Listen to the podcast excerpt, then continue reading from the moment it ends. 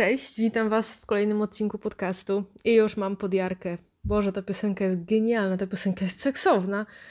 Pamiętam, jak byłam mała. Ile ja miałam lat, kiedy ta piosenka wyszła? No mało. E, pamiętam, jak byłam zafascynowana tą relacją między Naomi Campbell a Michaelem Jacksonem. Myślałam, że oni naprawdę flirtują, naprawdę są razem. W sumie to był tylko teledysk, ale pamiętam, że zrobiło to na mnie potworne wrażenie. I kiedy szukałam dzisiaj pomysłu na intro, wiedząc, że chcę znaleźć dźwięk tłuczonego szkła, od razu wpadło mi do głowy keep it in the closet, puf! Także stąd e, takowe właśnie intro, ale znalazłam też coś jeszcze ciekawszego, albo powiedziałabym z większym rozmachem. No. I to pasuje, co? Życie w pandemii, plany, finanse, życie miłosne. Okej, okay, okej, okay, starczy, bo jeszcze zrobi się z tego samo spełniająca się przepowiednia. E, dzisiejsze intro jest rekordowo długie. Natomiast cały odcinek będzie w troszkę innej formule. Do tej pory, jak wiecie, moje odcinki były nagrywane bez scenariusza, bez jakichś specjalnych e, rozpisek. Raczej starałam się opowiadać o wszystkim tak, jak czuję, tak jak myślę, mając ewentualnie delikatne notatki przed sobą. Mm, I odcinków nigdy nie montuję, tego również nie zamierzam montować, w sensie nagrywam wszystko telefonem na raz, na jolo. Natomiast różnica jest taka, że w zeszły weekend wziął mnie na pisanie. Miałam przerwę w pisaniu już, o mamo, pozdrawiam w ogóle mamę, yy, chyba ośmiomiesięczną? Tak, więc popatrzcie, 8 miesięcy to prawie 9 miesięcy, taki wcześniak, ale się urodził. Felietonik na blogu. A że napisała, to teraz pogada. Pomyślałam sobie, że skoro napisałam taki tekst i jest on formą zamkniętą, spróbuję ją odtworzyć w wersji audio. E, także tym razem będę część czytać, e, natomiast założę się, że pomiędzy pojawią się jakieś dygresje, wstawki. Nie zamierzam sobie e, tego zabraniać. Mam też cel na ten odcinek, żeby nie parskać do mikrofonu gdyż nagrywałam to intro ze dwa, trzy razy wcześniej yy, i cały czas parskałam z wrażenia po e, Michaelu Jacksonie i, i to było straszne, więc mam też cel, żeby nie parskać. Tak, to była bardzo ważna dygresja. Słuchajcie, dzisiaj będzie mowa o kintsugi. Z tą sztuką i filozofią spotkałam się pierwszy raz z pięć, może siedem lat temu. Pamiętam, że wtedy niesamowicie mi się ta idea, technika i właśnie filozofia mm, spodobała. I dzisiaj chciałabym Wam o niej troszeczkę więcej opowiedzieć. Samo kintsugi to japońska technika reperowania zniszczonych naczyń oraz filozofia ucząca celebracji tego, co niedoskonałe, słabe i kruche. To podejście zachęcające do cierpliwego naprawiania uszkodzonych przedmiotów w miejsce ich wyrzucania i szybkiego zastępowania nowymi. No dzisiaj tak jest, że jak tylko coś się lekko mm, chciałam powiedzieć zeszmaci, to też jak się lekko zepsuje, jak lekko się zmechaci, nie zeszmaci, właśnie jak się lekko zmechaci, kiedy nam się coś przetrze, kiedy mamy dziury, kiedy coś już nie działa tak jak powinno, to jednak pierwszy odruch wielu osób to jest kupno czegoś nowego, a nie reperowanie. Okej, okay. świetnie Gosia, jesteś po dwóch pierwszych zdaniach i już lecę dygresjami. Cudownie. Pamiętam, jak kiedyś oglądałam filmik na YouTubie z parami, które mają bardzo długi staż, kilkudziesięcioletni staż e, w byciu razem i zadano im pytanie właśnie, dlaczego są razem. I pamiętam odpowiedź jednej z par, mm, że w ich czasach rzeczy się reperowało, a nie wyrzucało. I coś w tym jest. I kintsugi właśnie to naprawianie mocno celebruje i akcentuje. Mm, no i kintsugi to także piękna lekcja życia i akceptacji siebie, bez względu na nasze wady, błędy i porażki. Mm, kintsugi koi, leczy i łagodzi duszę. To troszkę taki balsam dla naszych zszarganych nerwów mm, i taka, e, taki balsamik na spękane e, usta po całym dniu, który przynosi ulgę, oddech i pozwoli nam mm, poczuć pewną miłość i akceptację, dokładnie takimi, jakimi jesteśmy. To teraz odrobinkę historii. Jak powstało kintsugi? Sztuka Kintsugi narodziła się w XVI wieku w wyniku dramy shoguna Yoshimasa Ashikaga, jakkolwiek, który zbił swoje ulubione, swoją ulubioną czakrę, czarkę do herbaty. A być może to była czakra? Patrzcie, jaki by to był super troll historii, gdyby to chodziło o czakrę. Ale ktoś zrobił lapsusa w translatorze i wyszło, że chodzi o czarkę. Ale dobrze, powiedzmy, że stukł sobie czarkę do herbaty. E, no i ja go szczerze mówiąc bardzo rozumiem, no bo ja też mam swój ulubiony kubeczek i e, ta sama herbatka z innego kubeczka nie smakuje tak samo. Więc rozumiem, że on mając zasoby, mając armię, E, i wory złota zlecił naprawę swojej ukochanej czakry. Swojej ukochanej czarki. Zlecił on naprawę czarki chińskim rzemieślnikom. Mm, brawo, brawo Yoshimasa. Jak chcesz coś precyzyjnie zrobić, zlecaj to Chińczykom. Dobrze, a ci oddali Szegunowi naczynie połączone topornymi metalowymi obejmami, zupełnie niepasującymi do kruchej porcelany.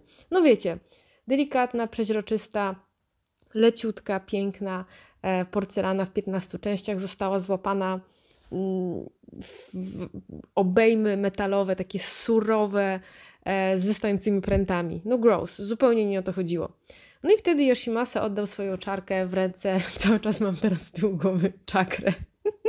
oddał swoją czakrę w ręce japońskich mistrzów, którzy udoskonalili technikę reparacji porcelany i zapoczątkowali w ten sposób sztukę łączenia rozbitych naczyń zwaną kintsugi.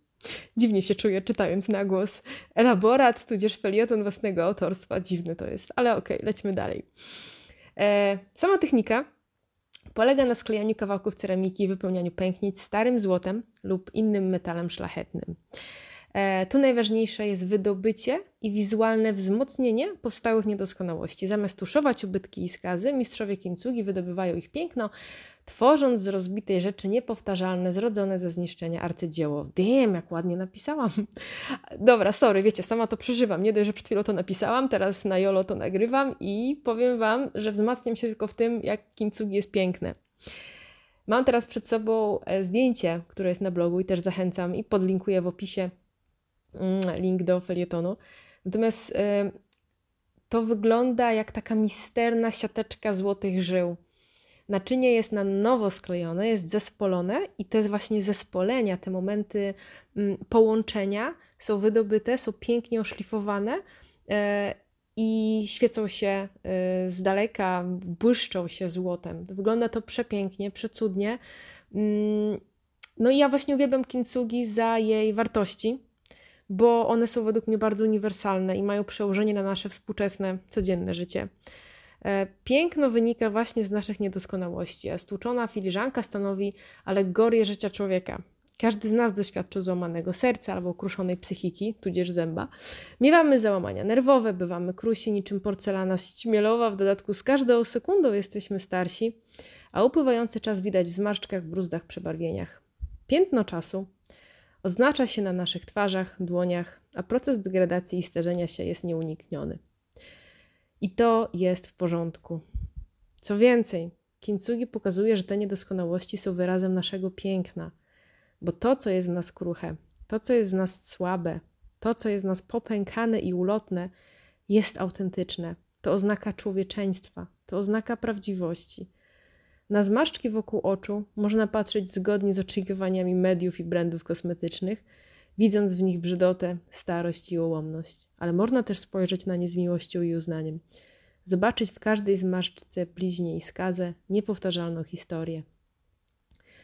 To podejście mi bardzo, bardzo odpowiada, ponieważ sama zauważam pierwsze oznaki starzenia e, i nie mówię o tym często, bo nierzadko słyszę wtedy jakby w informacji zwrotnej, jakby w reakcji, że o co ci chodzi, wcale nie, wyglądasz świetnie.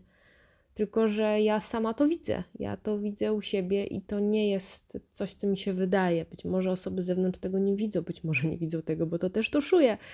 Mm, znaczy nie, żebym e, próbowała sobie zacementować zmarszczki tuszem, ale wiecie o co chodzi? Gdzieś to chowam, w jakiś sposób cienie pod oczami, czy pierwsze różne inne niedoskonałości sobie gdzieś tam troszkę polepszam, ale ta filozofia i to podejście, w której te zmarszczki są moim świadectwem piękna, bardzo mi to, bardzo mi to pasuje. I powtórzę zdanie, które tutaj e, wybrzmiało wcześniej, że na zmarszczki wokół oczu można patrzeć zgodnie z oczekiwaniami mediów i brandów kosmetycznych, bla, bla, bla, lub właśnie tak jak Kintsugi. Natomiast chodzi mi teraz o te media i brandy kosmetyczne. Bardzo mocno zachęcam Was do uświadomienia sobie lub, wzmoc, lub spróbuję wzmocnić, jeśli już to wiecie, że nasze poczucie brzydoty, moje poczucie braku, moje poczucie bycia niewystarczającą, Twoje poczucie bycia niewystarczającą, to jest paliwo mediów i to jest właśnie paliwo brandów kosmetycznych. Na tym stoi rynek, na tym stoi biznes, na tym ludzie zarabiają, na Twoim poczuciu braku, na tym, że czegoś nie ma, że Ci czegoś brakuje, że jesteś not good enough. To jest dokładnie paliwko, e, to jest benzynka, e, na której jadą koncerny kosmetyczne. Kintsugi, które mówi, stara, te twoje zmarszczki, kurze rzepki i te pryszcze i to wszystko to jest generalnie spoko, to na tym nikt nie zarobi. Zarobi twoja dusza. I o tym nigdy w mojej ocenie nie będzie głośno w mediach, o tym nigdy nie będzie głośno w radio, bo nikt na tym nie zarabia. I zauważyłam, że bardzo dużo tego typu mądrości, mm, kojących idei jest właśnie na, za, na wschodzie, zwłaszcza na Dalekim Wschodzie, no ale one nie trafią do mass mediów. I jakby no naszą rolą, naszą e, decyzją i też w naszych rękach jest to, żeby gdzieś te filozofie, to podejście mm, researchować, wynajdywać, e, kontemplować. Ach, kontemplacja to też jest piękna sprawa. Dobra, jedzie już po prostu dygresja za dygresją.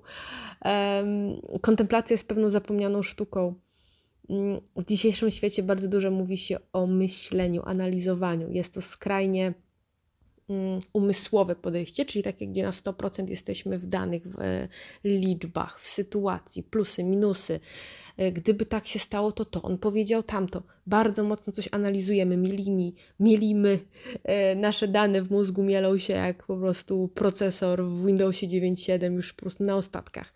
Po drugiej stronie pojawiła się medytacja, mindfulness, uważność, bycie tu i teraz, spokój i tym podobne. Ale jest jeszcze coś takiego jak właśnie kontemplacja. I to jest sztuka praktycznie bardzo rzadko dzisiaj uprawiana, i to jest pewna uważność na temat, ale pozwolenie, żeby ten temat gdzieś tak jakby płynął powoli z tyłu głowy, żeby ten, ta sprawa, zagadnienie, żeby nie poddawać go analizie tu i teraz, takiej analizie bardzo intensywnej, szybkiej, na rzecz pewnego jakby wrzucenia w krwiobieg. I kontemplacja jest spojrzeniem na temat e, w perspektywie iluś dni, być może miesięcy, kontemplować można coś i parę lat. No i w, dziś, w dzisiejszym pędzącym świecie na kontemplację troszkę czasu brakuje. Natomiast spróbuję teraz już nie kontemplować na temat kontemplacji, tylko wrócę do kintsugi. Kolejną rzeczą, o której chciałabym wspomnieć, jest to, że ta złączona, naprawiona, polepiona porcelana zyskuje na wartości dokładnie tak jak osoby po trudnych przejściach. I powiem Wam, że najciekawsze osoby, jakie poznałam w życiu, mają za sobą wiele przykrych zdarzeń. Chorób fizycznych, chorób mentalnych, zaburzeń psychofizycznych, a każda z ich traum stała się lśniącą niteczką kintsugi. To jest złote świadectwo ich doświadczenia i nabytej mądrości. Bardzo mocno się utożsamiam z tym, co tutaj napisałam i autentycznie te osoby najciekawsze, najmądrzejsze, najbardziej inspirujące, jakie poznałam w życiu, to były osoby, które dostały po czterech literach i to uff, niesążnie. Uff, jak przypominam sobie kilku osobach, to z jednej strony mam względem nich potężne zasoby współczucia, a z drugiej strony potężny zasób podziwu. Podziwu. I te osoby są dla mnie, były, są potężnym źródłem nauki i inspiracji. Z kolei e, osoby, które poznałam w moim życiu, które stanęły na mojej drodze, które raczej w życiu miały mm, nie chcę użyć słowa lekko, bo każdy ma problemy, ale no nie przeszli w życiu pewnych dramatycznych sytuacji, takich, kiedy po prostu klęczeli, albo byli na skraju życia i śmierci, albo otarli się o naprawdę poważny mm, wypadek, chorobę, to te osoby mm, nie miały bodźca, takiego triggera, który wydobyłby z nich więcej. I faktycznie te osoby w moim życiu e, mniej wnoszą. Mogą być bardzo przyjemnym mm, towarzystwem, ale nie do końca takim budującym, inspirującym, jak właśnie te osoby, które przeszły mm, no, konkretne sytuacje, choroby i tym podobne. I filozofia Kintsugi zachęca do tego, by nie wstydzić się odniesionych ran. Należy je uznać, zaakceptować i dać im czas potrzebny na zagojenie. Klasyczna starojapońska technika kintsugi jest niezmiernie czasochłonna, tak jak leczenie głębokich ran i traum. Dlatego warto dać sobie dokładnie tyle czasu, atencji i współczucia, ile potrzebujemy. Bez czasu milaczy, przyspieszaczy i sztucznych konserwantów, bez Gesslerowej, Ulgiksu i tym podobne. Mm, trochę tak jest, że im dłużej trwa pewna sytuacja, im dłużej pewien chory, trudny, problematyczny stan się utrzymuje, tym dłużej zajmuje powrót na prostą. I nieraz jest tak, że osoby przeżywające na przykład ileś lat w trudnym związku, w jakiejś trudnej relacji, potem oczekują, że postawią się na nogi i posklejają się na nowo w miesiąc. No, no nie.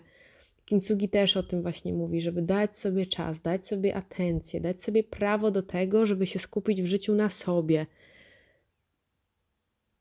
Z kolei po zakończonym procesie leczenia mm, blizny należy nosić z dumą, bo stanowią one żywe świadectwo naszej siły i wewnętrznej mocy.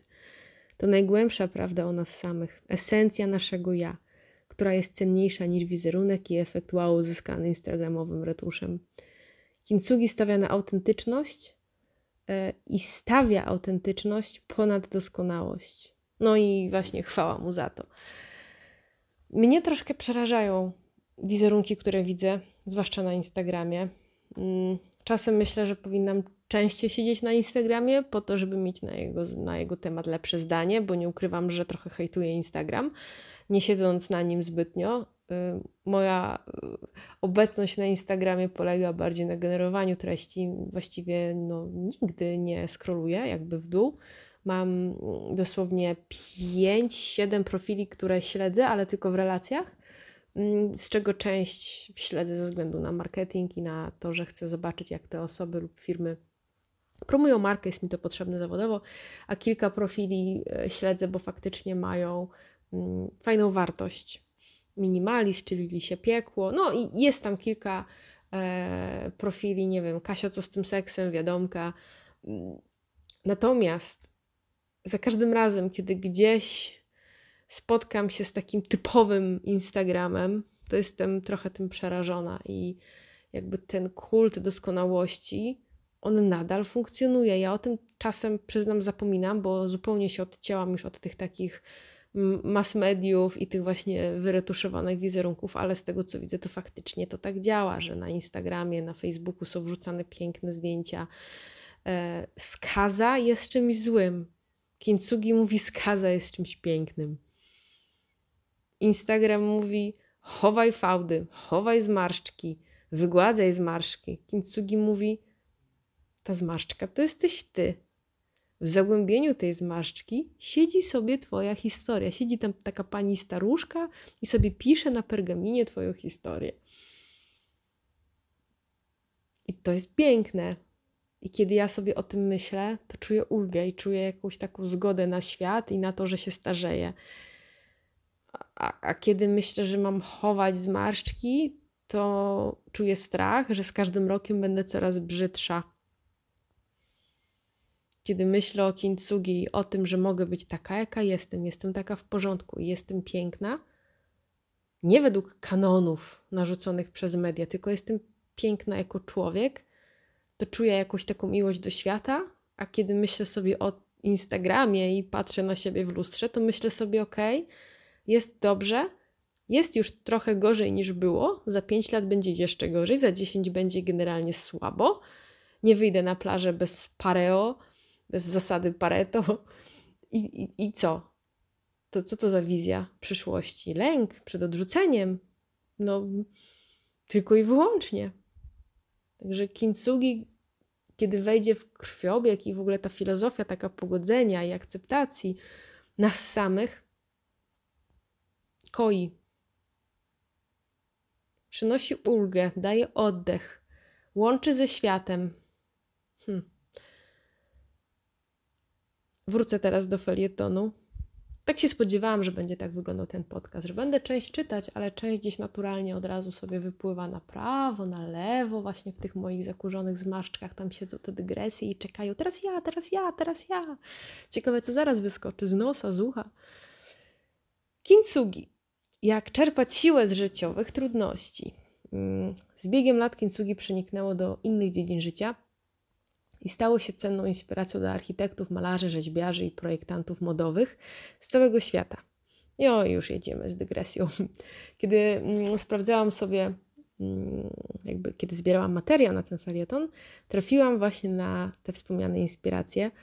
Mm, kintsugi widać pięknie w architekturze i w wystroju wnętrz, chociażby w, na płytkach ceramicznych. Wyglądają przepięknie i te najdroższe, robione zgodnie z techniką kintsugi są faktycznie rozbijane i zespalane przy pomocy mm, tych metali szlachetnych i tego specjalnego kleju, są oszlifowane i tym podobne.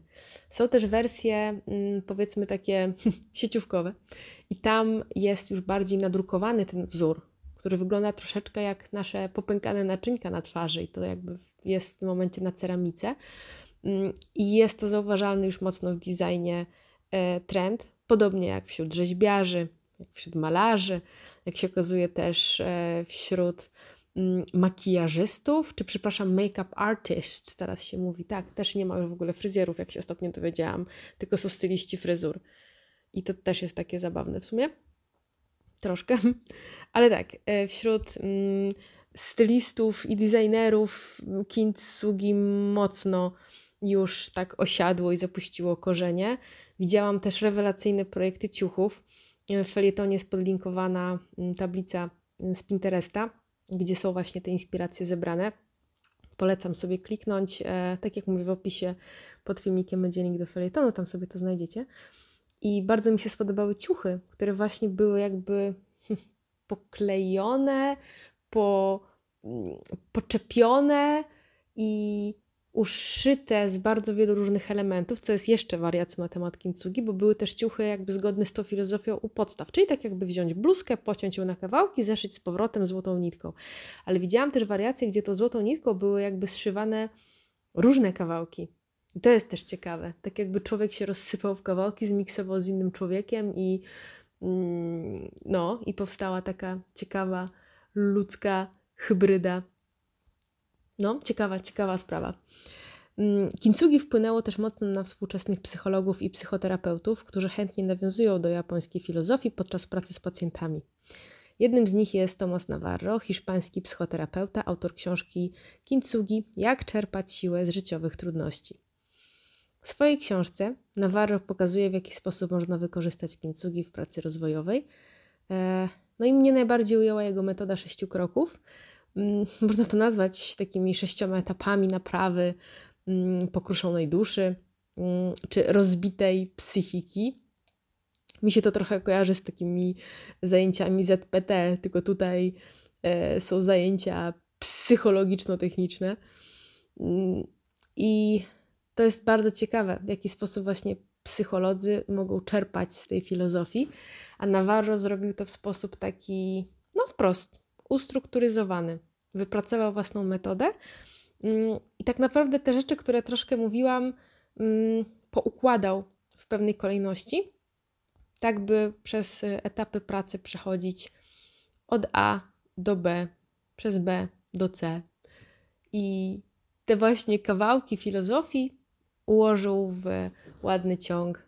I u niego tym pierwszym etapem w sytuacji kryzysowej, w sytuacji właśnie doliny życiowej mm, i rozsypu emocjonalnego, jest to, żeby no, pozbierać te rozbite kawałki. I Navarro zachęca do tego, żeby spróbować najpierw e, odnaleźć fundament. E, I mówi, by właśnie odnaleźć bazę, czyli największy niezniszczony element, coś z życia, czego można się uczepić, do czego można dokleić resztę fragmentów. Aby tego dokonać, warto odnaleźć tak zwany ikigai, czyli powód do życia, sens życia. Bez celu, sensu i wartości, za jaką podążymy, dalsza praca nie ma sensu. Ikigai można odkryć tylko w ciszy i może być ich wiele. Rodzina, miłość do dziecka, praca, sport, a nawet gotowanie. Chodzi o znalezienie motywacji do wstania, działania i pozbierania się. E, no, z tym pozbieraniem się to jest akurat bardzo dosłowne. Jak tutaj wspomniałam, mm, że takim ikigai może być gotowanie. Tutaj nie chodzi o wielkie wartości. Mm, one mogą być wielkie, ale nie muszą być. Tu bardziej chodzi o ten mm, powód dosłownie, żeby się zwlec z łóżka. Jesteśmy, jeśli jesteśmy w kryzysie, w momencie skrajnego załamania, być może depresji, być może zwątpienia w ogóle w sens życia, może nam się nie chcieć wstać z łóżka. I tu chodzi o to, o ten impuls, o tą motywację, która da nam kopa w dupę, żeby wstać. I to może być wspomniana miłość do dziecka, ale to może być to, że trzeba wyprowadzić psa, a po prostu być może coś ugotować, bo to nam sprawia jeszcze jakiekolwiek resztki satysfakcji i radości. Mi się bardzo podoba to, żeby znaleźć ten duży kawałek. I to jest coś, co mi dało do myślenia, że faktycznie w każdym kryzysie, e, jeśli chcemy się pozbierać, to musimy doklejać te skrawki do czegoś. Tak jak zbieramy okruchy z potłuczonej szklanki kieliszka, no to najczęściej bierzemy ten największy, który został i do niego ładujemy te mniejsze. Takie naturalne, a tak fajnie można to przełożyć właśnie na, na życie. Wyobrażam sobie w związku, jeśli związek się sypie, wali i mimo wszystko no, podejmujemy decyzję, jakąś próbę naprawy, to warto sobie popatrzeć, co nas trzyma, jaki jest ten fundament, jaka jest ta baza, jaki jest ten największy, niezniszczony element i jak do niego można by spróbować dokleić właśnie te rozsypane. Etap drugi, według Navarro, to spójrz na sytuację z dystansem. Po zebraniu rozbitych fragmentów warto przeanalizować sytuację i odpowiedzieć sobie szczerze na pytanie: dlaczego to się stało? Jaki miałam na zaistniałą sytuację wpływ? Czy w ogóle miałam na to wpływ? Może choroby ukochanej osoby nie mogłam przewidzieć, być może nie miałam jak wpłynąć na to, że ta osoba miała wypadek, a może popełniłam błąd i doprowadziłam do wypadku, bo gapiłam się podczas jazdy w Instagrama. To jest miejsce na odważny obrachunek moralny i trzeźwy osąd sytuacji. Mm, chodzi tutaj o to, by być w pełni autentycznym i by powiedzieć sobie szczerze, jak jest. Dla wielu, myślę, że dla większości osób, taki naprawdę szczery obrachunek moralny jest możliwy tylko w relacji z samym sobą, czyli najlepiej byłoby przeprowadzić go po prostu w samotności, bez zaciemniania sytuacji, bez osładzania, bez tłumaczenia. Po prostu come on, brutalnie. Tak było, to się stało, spieprzyłem. Albo nie ma co się biczować, to nie była moja wina albo faktycznie mogłem to przewidzieć. Więc to jest pewien czas na e, analizę, na dogłębną analizę. E, I tutaj mm, powiedziałabym właśnie jest ten też hashtag kontemplacja, bo czasem taki temat e, związany z przyczyną dużego zagadnienia może właśnie wymagać dłuższego czasu. To nie jest kwestia dwóch, trzech dni, kiedy intensywnie o czymś myślimy, tylko coś musi się jakby narodzić. Nasz system, ciało, emocje, umysł musi przetrawić duże zagadnienie. I ta kontemplacja tutaj, myślę, jest czymś, mm, no, co na ten etap według mnie bardzo mocno pasuje. Etap trzeci, według Navarro, to jest wyciąganie wniosków. I tutaj właśnie mm, czeka nas nauka. Na szczęście, według mnie, w Kintsugi nie ma miejsca na karanie się i biczowanie za błędy. Tutaj nie będzie e, klęczenia na grochu i katowania się i zdrowasiek. Te jałową, według mnie, energię i obwinianie lepiej przeznaczyć na autorefleksję i celebrację doświadczenia. nawet tego trudnego, zwłaszcza tego trudnego, bo każda sytuacja, błąd i trauma to lekcja. To jest lekcja siebie, życia, pokory. No i tutaj czas odpowiedzieć sobie na pytanie, czego się nauczyłam dzięki zaistniałemu wydarzeniu. Mm, cierpienie ma swój sens i cel, jednak wbrew powiedzeniu, kojarzycie na pewno, nie? że cierpienie uszlachetnia taki bullshit. Według mnie cierpienie jakby nie uszlachetnia przez sam fakt cierpienia, ale przez doświadczenie, którego jest wynikową. Bo cierpienie to jest potężny ładunek bólu, żalu, smutku, nierzadko bólu fizycznego. I ono wypływa z czegoś ważnego, z czegoś istotnego. Dlatego ma bardzo wysoki potencjał rozwojowy i stanowi szansę na naukę czegoś przełomowego. I dlatego cierpienie uszlachetnia. Jeśli autor tego powiedzenia miał taką intencję, no to spoko, ale jeśli mm, cierpienie uszlachetnia, y, to stwierdzenie miałoby oznaczać, że ono uszlachetnia przez sam fakt leżenia na podłodze i ryczenia i, i cierpienia, no to ja się na to nie zgadzam. Dla mnie to jest co najwyżej zaczyn, to jest jakiś taki zakwas, który może sprawić, że z tego wyrośnie coś szlachetnego, ale samo cierpienie jest po prostu cierpieniem. Warto też zauważyć, że osoby, które sporo przeszły, mm, mają pewną specyficzną moc i mądrość, e, właśnie wypływającą z doświadczenia. To jest to takie doświadczenie życiowe. Tutaj też e, dochodzi do pewnego pogłębienia inteligencji emocjonalnej, e, pewnej samoświadomości. Takie osoby wiedzą, czego w przyszłości unikać, wiedzą, czego drugi raz nie zrobić, znają swoje wrażliwe, ukruszone miejsca. To też ciekawostka w Stanach, kiedy startupy e, idą po fundusze, kiedy próbują uzyskać finansowanie na swój pomysł, na przykład kiedy idą do banku, mm, to bank pyta, czy takiego foundera, czy pan już wcześniej miał jakiś biznes. I w momencie, jeśli ten przedsiębiorca powie, że tak, ale on zbankrutował, to to jest brane jako plus, jako okoliczność na plus, która zwiększa szanse tego przedsiębiorcy na uzyskanie pieniędzy. Polsce oczywiście nie. E, ale właśnie tutaj troszkę o to chodzi, że jakby osoba, która coś przeszła, przeszła coś trudnego, przeszła coś, co ją posiniaczyło e, totalnie. I nie mówię o ciele, mówię o takich siniakach emocjonalnych, e, psychicznych, to ta osoba naprawdę drugi raz tego nie zrobi.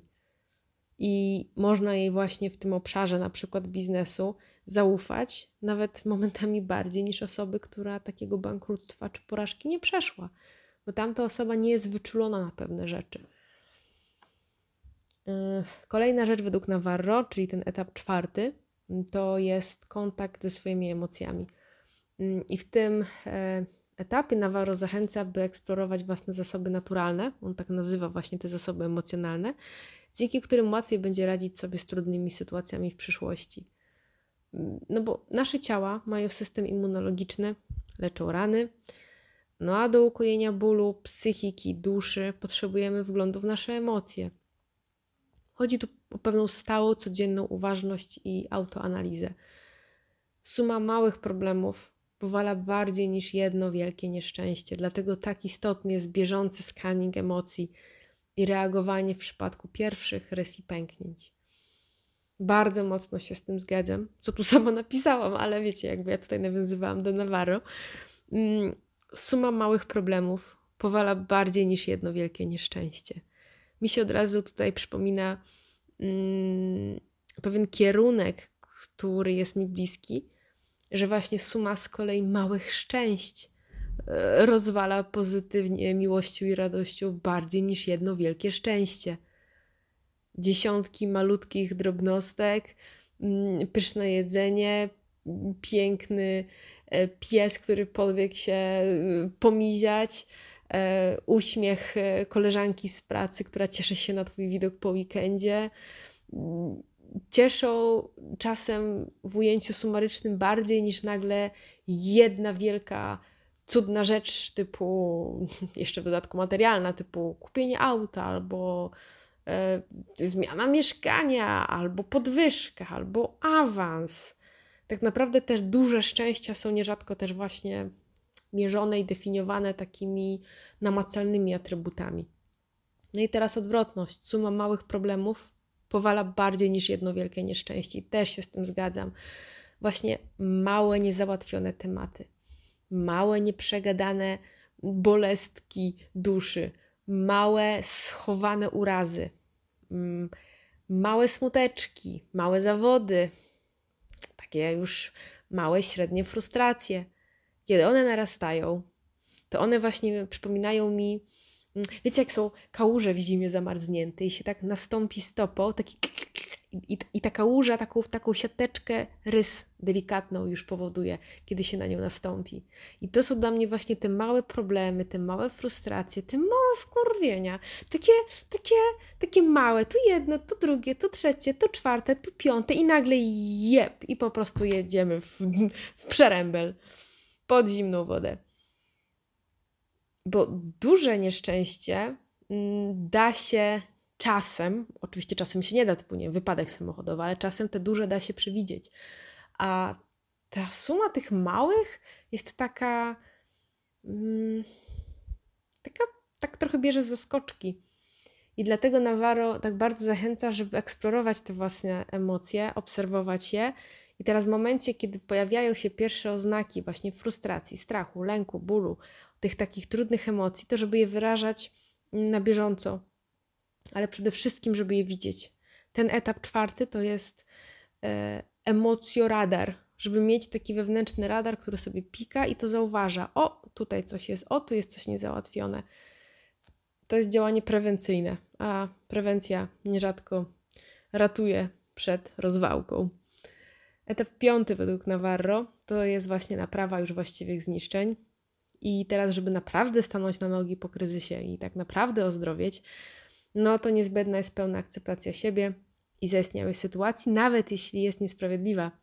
Znaczy, nawet jeśli jest niezasłużona. Ona, ona jest, ona się zdarzyła, a nasz sprzeciw, krzyk, bunt i tupanie nogami w niczym nie pomogą. I rany nie uleczą się w zetknięciu z buntem, oburzeniem i wściekłością. Mm, akceptacja tego, co mamy wokół i stanu rzeczy, który mamy wokół, no to, to jest klucz do, do leczenia. Mm, porażki, traumy i załamania były, są i będą. Nie oszukujmy się, one nie znikną. To są jakby składowe życia. To są punkty stałe, powtarzalne, one będą. No i brak zgody na zaistniałą sytuację tylko jakby przywierca nas do stanu z dziś i uniemożliwia pójście do przodu. To, jest tak, to są takie betonowe buty, które nas e, przytrzymują e, w, w jednym miejscu. Akceptacja niesie spokój i to jest grunt, żeby móc cokolwiek dalej tak naprawdę e, działać.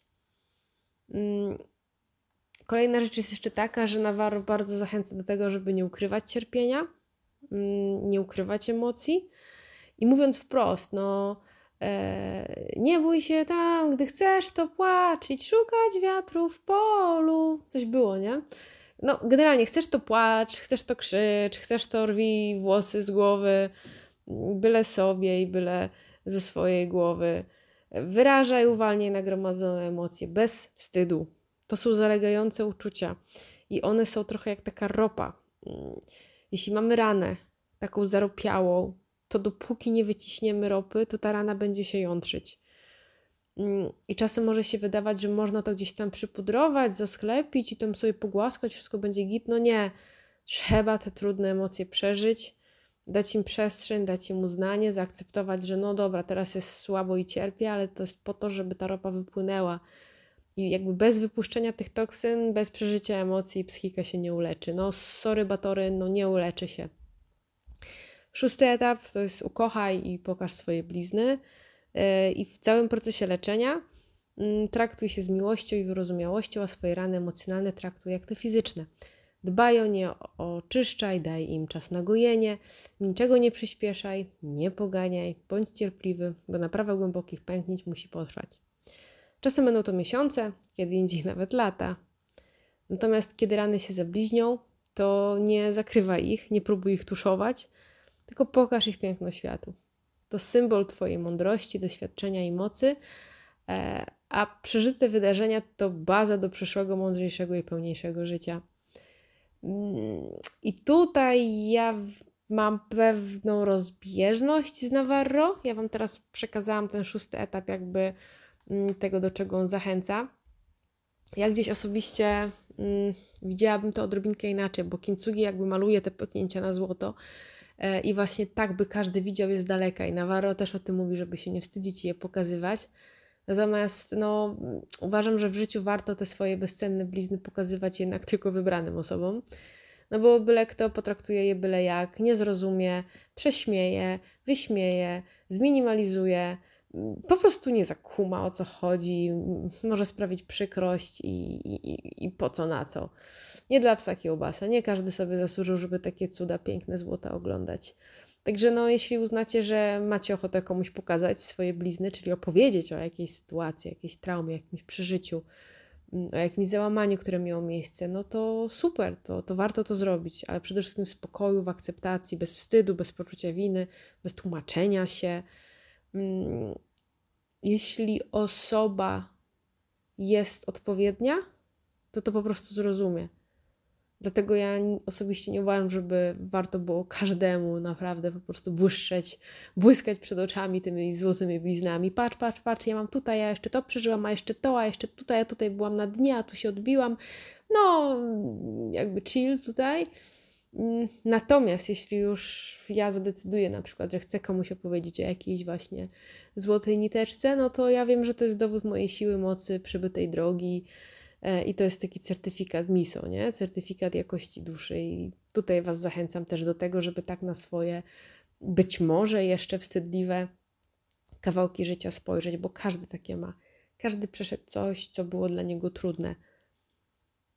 Każdy ma coś, co go ukształtowało.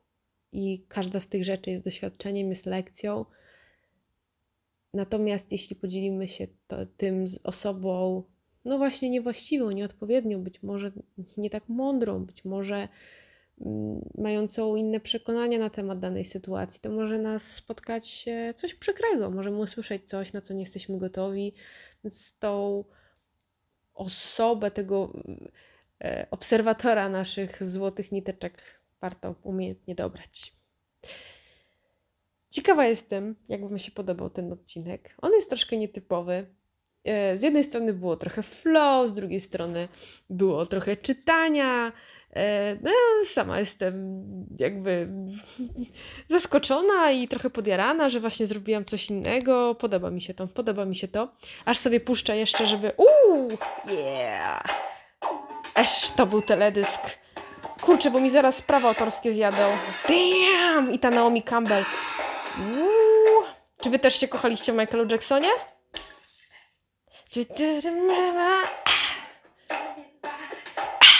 Ja tylko to umiem z tekstu. Zapomniałam, jak szedł tekst. Kurczę. Ale ta Naomi Campbell. Ja nie jestem homoseksualistką, ale mogłabym dla Naomi być. No bez kitu, jak ona jest piękna. Oh. Uuu. Dobra, dobra, dobra, dobra, dobra, sorry, bo się zapędzę. 43 minuty zeszły. Wow, wow. Jak to? How come? To wszystko przez Michaela Jacksona.